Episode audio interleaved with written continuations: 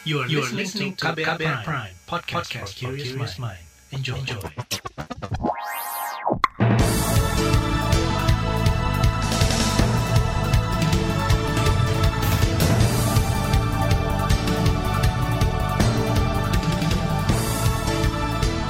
Selamat pagi saudara, Anda mendengarkan Buletin Pagi edisi pagi hari ini Rabu 3 Februari 2021. Pagi hari ini sejumlah informasi telah kami siapkan untuk Anda. Di antaranya, Istana Bantah terlibat dugaan kudeta pimpinan Partai Demokrat. Bio Farma olah bahan baku vaksin produksi Sinovac dan akademisi pertanyakan penambahan dana otsus Papua. Bersama saya Reski Mesanto, inilah Buletin Pagi selengkapnya. Terbaru di Buletin Pagi. Saudara Ketua Umum Partai Demokrat Agus Harimurti Yudhoyono atau AHY menduga ada gerakan dari internal dan eksternal partai yang berupaya mengambil alih pucuk pimpinan partai. Pihak eksternal yang ia maksud diduga orang yang berada di lingkaran dekat Presiden Joko Widodo. Upaya paksa itu diduga akan dilakukan melalui Kongres Luar Biasa atau KLB. Ini disampaikan AHY lewat konferensi pers di kantor Partai Demokrat Menteng, Jakarta Pusat awal pekan ini. Putra sulung SB itu menyatakan telah mengirimkan surat ke Presiden Joko Widodo untuk meminta klarifikasi terkait hal tersebut. AHY menegaskan tetap mengusung asas praduga tak bersalah. Menurut kesaksian dan testimoni banyak pihak yang kami dapatkan, gerakan ini melibatkan pejabat penting pemerintahan yang secara fungsional berada di dalam lingkar kekuasaan terdekat dengan Presiden Joko Widodo. Lebih lanjut, gerakan ini juga dikatakan sudah mendapatkan dukungan dari sejumlah menteri dan pejabat penting di pemerintahan Presiden Joko Widodo. Ketua Umum Partai Demokrat mengklaim telah memeriksa sejumlah saksi terkait hal tersebut. Hasilnya, ada lima orang yang diduga akan melakukan kudeta. Satu di antaranya kader aktif yang diduga kuat, Joni Allen Marbun, sedangkan satu orang di luar partai diduga adalah Kepala Kantor Staf Presiden atau KSP, Muldoko. Ia menginstruksikan seluruh kader untuk solid dan bersatu mempertahankan partai. AHY menyatakan telah menerima surat pernyataan komitmen kesetiaan dari para kader Demokrat. Selain itu, Demokrat mengancam bakal memecat kader yang diduga terlibat. Masih dari kalangan internal partai, Saudara Ketua DPP Partai Demokrat Herman Hairon mengatakan, hingga kini partainya masih menunggu balasan surat resmi dari Presiden Joko Widodo.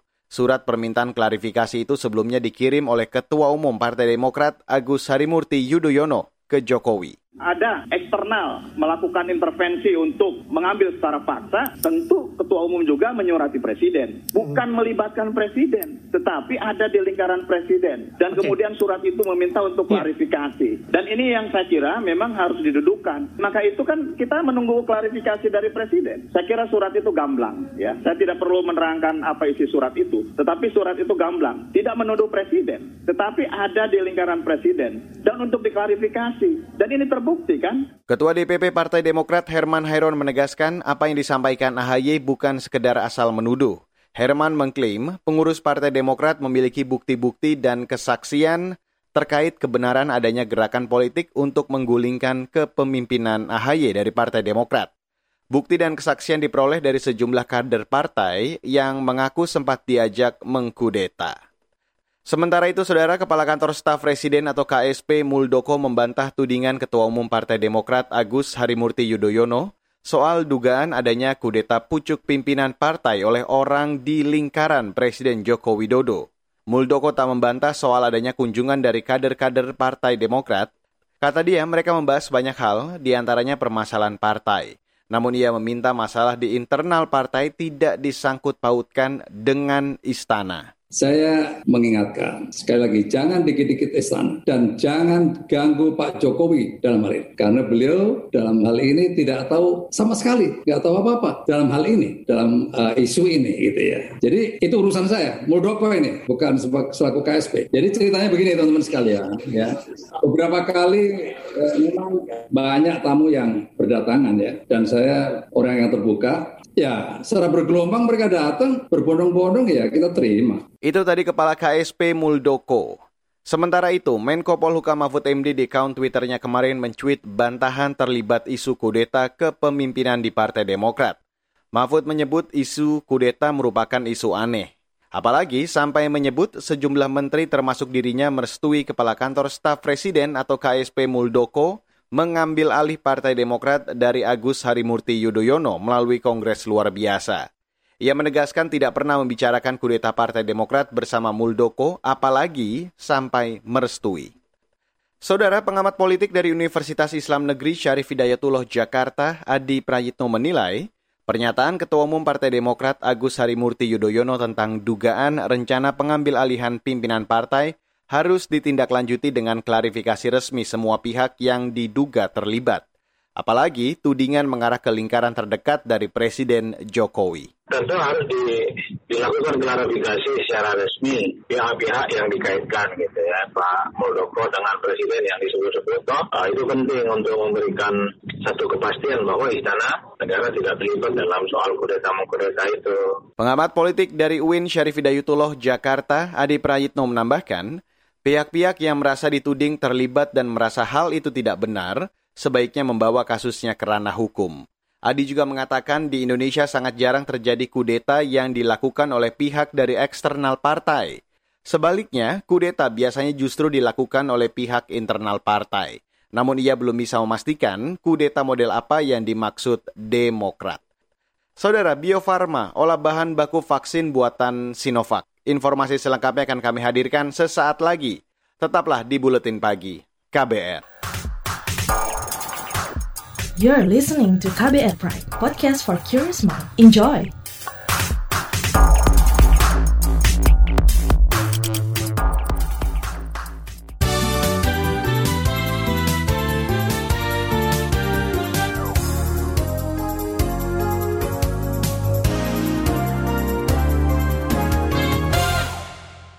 Saudara, Bio Farma telah memproses bertahap bahan baku vaksin Sinovac yang sudah dikirimkan dari Cina sejak Januari lalu.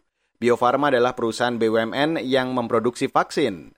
Juru bicara Bio Farma, Bambang Herianto mengatakan, pembuatan vaksin itu ditargetkan selesai pekan depan. Ini disampaikan Bambang saat menerima kedatangan 11 juta dosis vaksin di Bandara Soekarno-Hatta kemarin. Bahan baku yang sudah kita terima merupakan bagian dari bahan baku yang didatangkan dari Sinovac sebanyak 140 juta dosis untuk tahun 2021 yang pengirimannya akan dilakukan secara bertahap hingga bulan Juli 2021. Untuk bahan baku gelombang pertama atau tahap ketiga dari seluruh vaksin yang telah datang sebanyak 15 juta dosis sudah mulai diproses di Bio Farma sejak tanggal 14 Februari 2021. Juru bicara Bio Farma Bambang Herianto menambahkan 11 juta dosis yang baru datang terdiri dari 10 juta dosis bahan baku dan 1 juta dalam bentuk setengah jadi. Vaksin tersebut akan diproses mulai 13 Februari dan ditargetkan selesai pada 20 Maret mendatang. Kata dia, pembuatan vaksin ini akan melalui proses pengujian di bawah pengawasan BPOM. Nantinya, vaksin tersebut akan digunakan untuk imunisasi pekerja di sektor pelayanan publik, TNI, dan Polri. Sementara itu, saudara, kasus positif COVID-19 di Indonesia bertambah lebih dari 10.000 orang pada selasa kemarin. Dari jumlah itu, 300 orang lebih dinyatakan meninggal. Juru bicara Satgas Percepatan Penanganan COVID-19, Wiku Adhisa Smito menyatakan, kasus positif virus corona di Indonesia saat ini mencapai hampir 1,1 juta yang tersebar di 501 kabupaten kota dan dari jumlah itu, 172 ribu di antaranya merupakan kasus aktif. Saudara Menteri Koordinator Bidang Politik Hukum dan Keamanan atau Menko Polhukam Mahfud MD menyatakan, para tersangka kasus dugaan korupsi di PT Asuransi Sosial Angkatan Bersenjata Republik Indonesia atau ASABRI akan diadili. Karena itu Mahfud meminta masyarakat, terutama kalangan TNI dan Polri, tenang dan percaya dengan penegakan hukum. Selain itu, kata dia, Kejaksaan Agung dalam waktu dekat akan menyita sejumlah aset milik para tersangka. Korupsinya akan terus diadili, tetapi jaminan kesejahteraan para jurid yang dijanjikan dengan berdirinya yayasan itu dijamin eh, oleh pemerintah agar tidak hilang. Itu tadi Menko Polhukam Mahfud MD. Sebelumnya, Kejaksaan Agung telah menetapkan 8 tersangka dugaan korupsi di PT Asabri. Di antaranya bekas Direktur Utama PT Asabri Adam Erdamiri dan Sony Wijaya. Kejaksaan Agung mengutip perhitungan Badan Pemeriksa Keuangan yang menaksir negara rugi 23 triliun rupiah lebih akibat korupsi di PT Asabri. Saudara Polri melaksanakan gelar perkara terkait 92 rekening yang melibatkan Ormas Front Pembela Islam atau FPI. Gelar perkara dilakukan bersama Pusat Pelaporan dan Analisis Transaksi Keuangan atau PPATK. Juru bicara Polri, Rusdi Hartono menjelaskan, puluhan rekening itu terdiri dari rekening pengurus pusat, daerah, dan beberapa individu yang terkait dengan kegiatan FPI. Tentunya hasil analisis PPATK menjadi masukan dari Baris Polri dan tentunya Baris Polri akan menindaklanjuti ada atau tidaknya tindak pidana yang berhubungan dengan aliran dana yang ada pada organisasi FPI. Juru bicara Polri, Rusdi Hartono menambahkan, gelar perkara juga melibatkan tim detasemen khusus atau Densus 88 anti teror.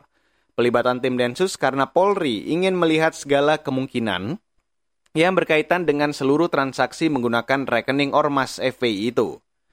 Sebelumnya, PPATK membekukan puluhan rekening FPI dan yang terkait. Itu dilakukan untuk menganalisis dan memeriksa laporan dan informasi transaksi keuangan yang terindikasi tindak pidana pencucian uang atau pidana lain. Beralih ke informasi ekonomi, Saudara, Kementerian Pariwisata dan Ekonomi Kreatif mengklaim lebih dari 6.000 usaha di sektor pariwisata dan ekonomi kreatif telah tersertifikasi CHSE. CHSI adalah penerapan protokol kesehatan yang berbasis kebersihan, kesehatan, keamanan, dan kelestarian lingkungan. Berikut pernyataan Menparekraf Sandiaga Uno. Dan di tahun 2021 kita targetkan 6.500, tapi saya bilang ini harus kita tingkatkan lagi. Gimana caranya? Rangkul dunia usaha. Jadi kalau pemerintah melakukan 6.500, gimana kalau dunia usaha juga ikut berpartisipasi sehingga yang tersertifikasi yang bisa dibantu oleh kita bisa jumlahnya lebih meningkat. Menparekraf Sandiaga Uno menambahkan, CHSE menjadi bagian dari upaya kepatuhan menerapkan disiplin protokol kesehatan pencegahan COVID-19. Ia juga mengingatkan ada lebih dari 34 juta tenaga kerja di sektor pariwisata dan ekonomi kreatif yang terdampak pandemi COVID-19. Beralih ke mancanegara, Saudara Bank Dunia prihatin dengan situasi terkini di Myanmar. Kudeta yang dilakukan junta militer dikhawatirkan membuat kemunduran besar atas transisi dan prospek pembangunan. Bank Dunia melaporkan ekonomi Myanmar yang dua tahun lalu tumbuh 6,8 persen turun jadi 1,7 persen pada 2020. Sedangkan tahun ini, dampak pandemi COVID-19 berkepanjangan ditambah konflik politik domestik bisa membuat ekonomi Myanmar hanya tumbuh jadi 2 persen. Beralih ke berita olahraga, Saudara. Presiden Badan Sepak Bola Dunia atau FIFA, Gianni Infantino menyatakan, pemain sepak bola seharusnya tidak dianggap kelompok prioritas penerima vaksin COVID-19. Hal ini ia sampaikan setelah sejumlah negara telah memulai vaksinasi kepada atlet sepak bola sebelum Olimpiade Tokyo yang digelar Juli mendatang. Mengutip antara news, Infantino menegaskan dirinya bukan pendukung pemain sepak bola yang melompati antrean vaksinasi.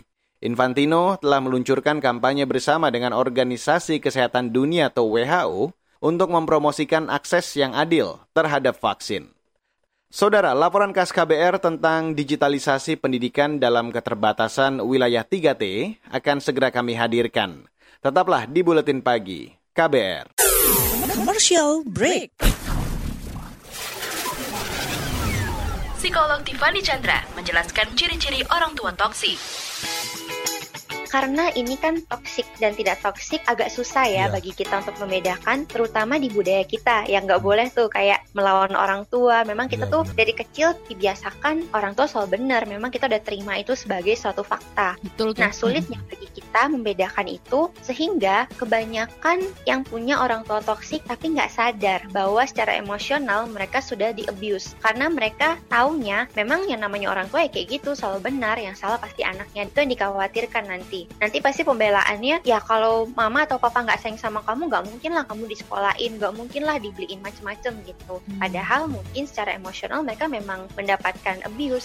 Simak lengkapnya dalam podcast Disco Diskusi Psikologi. Episode menghadapi orang tua yang toksik di kbrprime.id atau platform mendengarkan podcast lainnya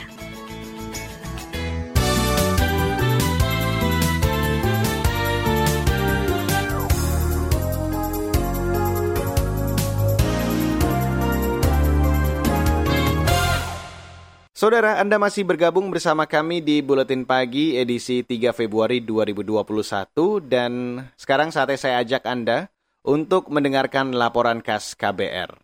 Saudara, program sekolah penggerak dari Kementerian Pendidikan Kebudayaan diharapkan menjadi perwujudan dari visi reformasi pendidikan Indonesia. Nantinya program ini akan fokus pada pengembangan sumber daya manusia di sekolah, mulai dari siswa, guru, kepala sekolah hingga ke digitalisasi pendidikan. Bagaimana persiapan sekolah di wilayah terluar, terdepan, dan tertinggal atau 3T menyambut digitalisasi pendidikan?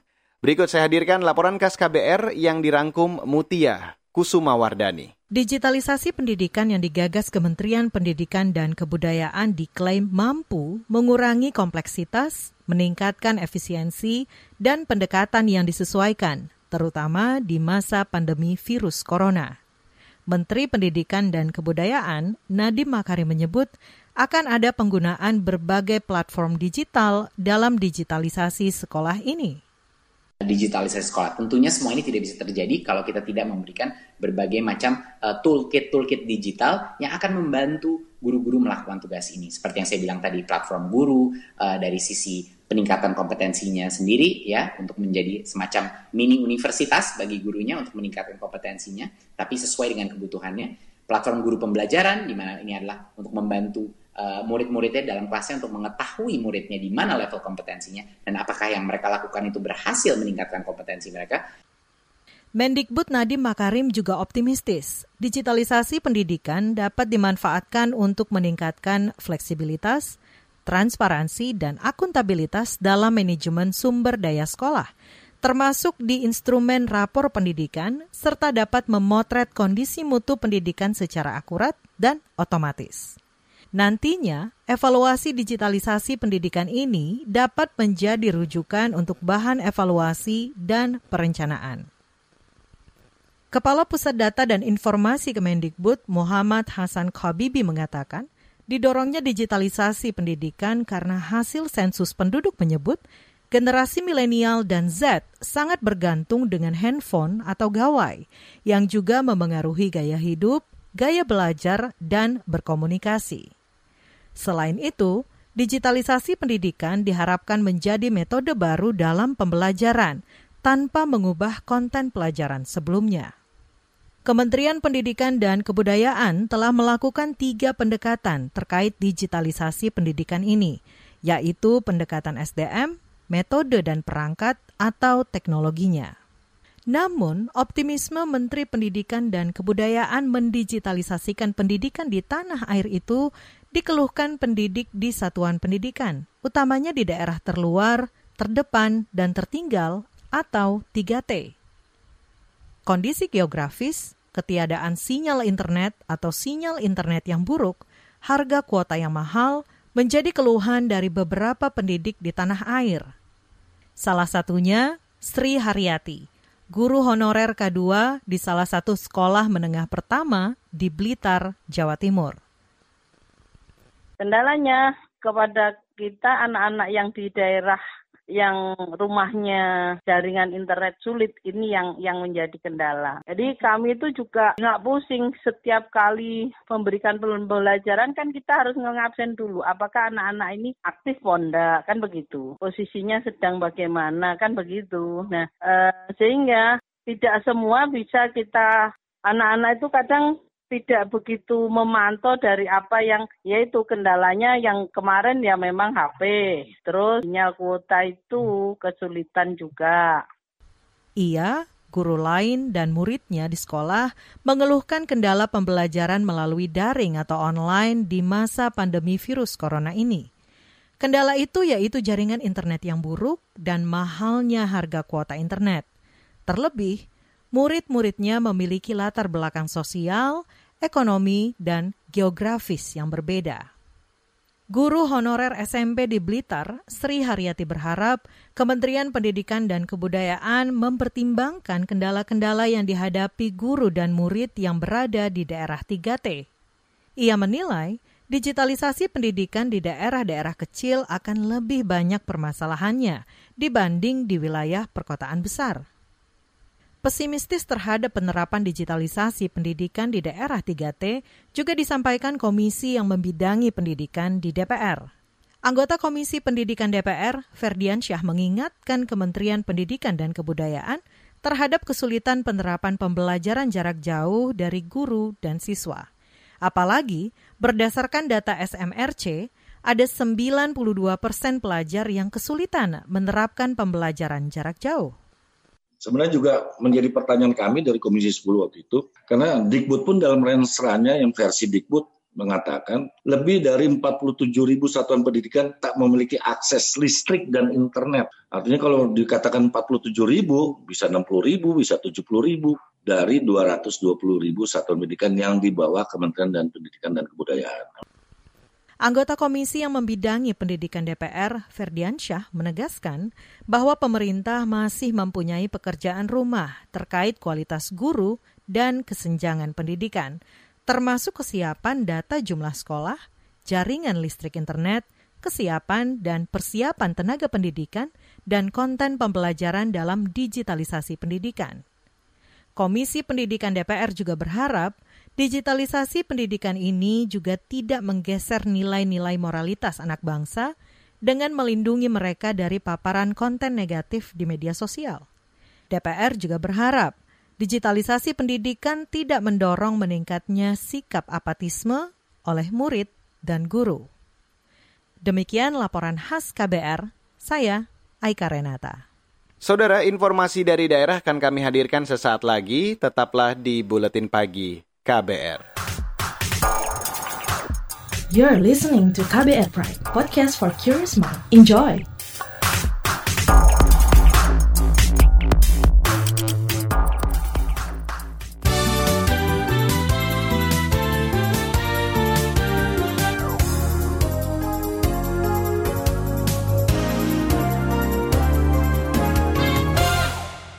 Saudara, inilah bagian akhir dari Buletin Pagi hari ini, edisi 3 Februari 2021. Kita ke Papua, Saudara. Akademisi Universitas Cendrawasih Jayapura, Yusak Reba mempertanyakan acuan pemerintah menaikkan dana otonomi khusus atau OTSUS Papua dan Papua Barat untuk 20 tahun ke depan, yakni dari 2 persen menjadi 2,25 persen. OTSUS Papua dimulai sejak 2002 dan berakhir pada 2021. Selama 20 tahun, pemerintah telah menguncurkan lebih dari 100 triliun rupiah. Dokumen apa, kajian apa, hasil evaluasi apa yang digunakan sebagai acuan, saya pikir ini juga perlu dipertimbangkan dan dicermati dengan baik oleh pemerintah pusat supaya uh, tidak memunculkan persoalan-persoalan berikut lagi. Itu tadi akademisi Uncen Papua Yusak Reba. Sebelumnya, Menteri Keuangan Sri Mulyani menyebut perkiraan dana otsus Papua selama 20 tahun ke depan sekira lebih dari 230 triliun rupiah. Angka ini naik dibanding sebelumnya. Saat ini, RU tentang otsus Papua tengah dibahas di DPR. Salah satu pasal yang akan diubah adalah soal pendanaan. Saudara Bupati terpilih Kabupaten Sabu Raijua, Nusa Tenggara Timur, Orien P. Riwu Kore, masih berstatus sebagai warga negara Amerika Serikat. Status warga asing Orien baru diketahui Bawaslu Kabupaten Sabu Raijua usai menetapkan Orien dan pasangannya sebagai pemenang Pilkada Serentak 2020. Ketua Bawaslu Sabu Raijua Yudi Tagihuma mengatakan, Kedutaan Besar Amerika di Indonesia juga baru mengkonfirmasi kewarganegaraan Orien Senin lalu.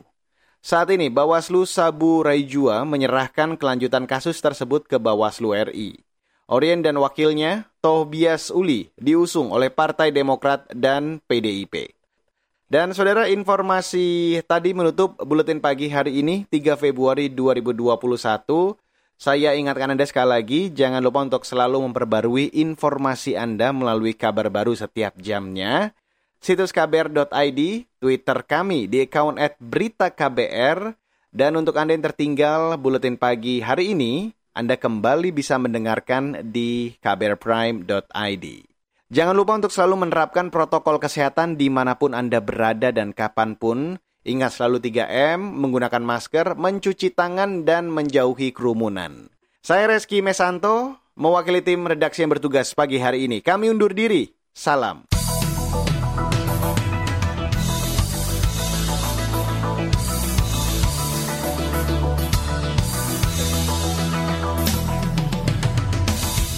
KBR Prime, cara asik mendengar berita. KBR Prime, podcast for curious mind.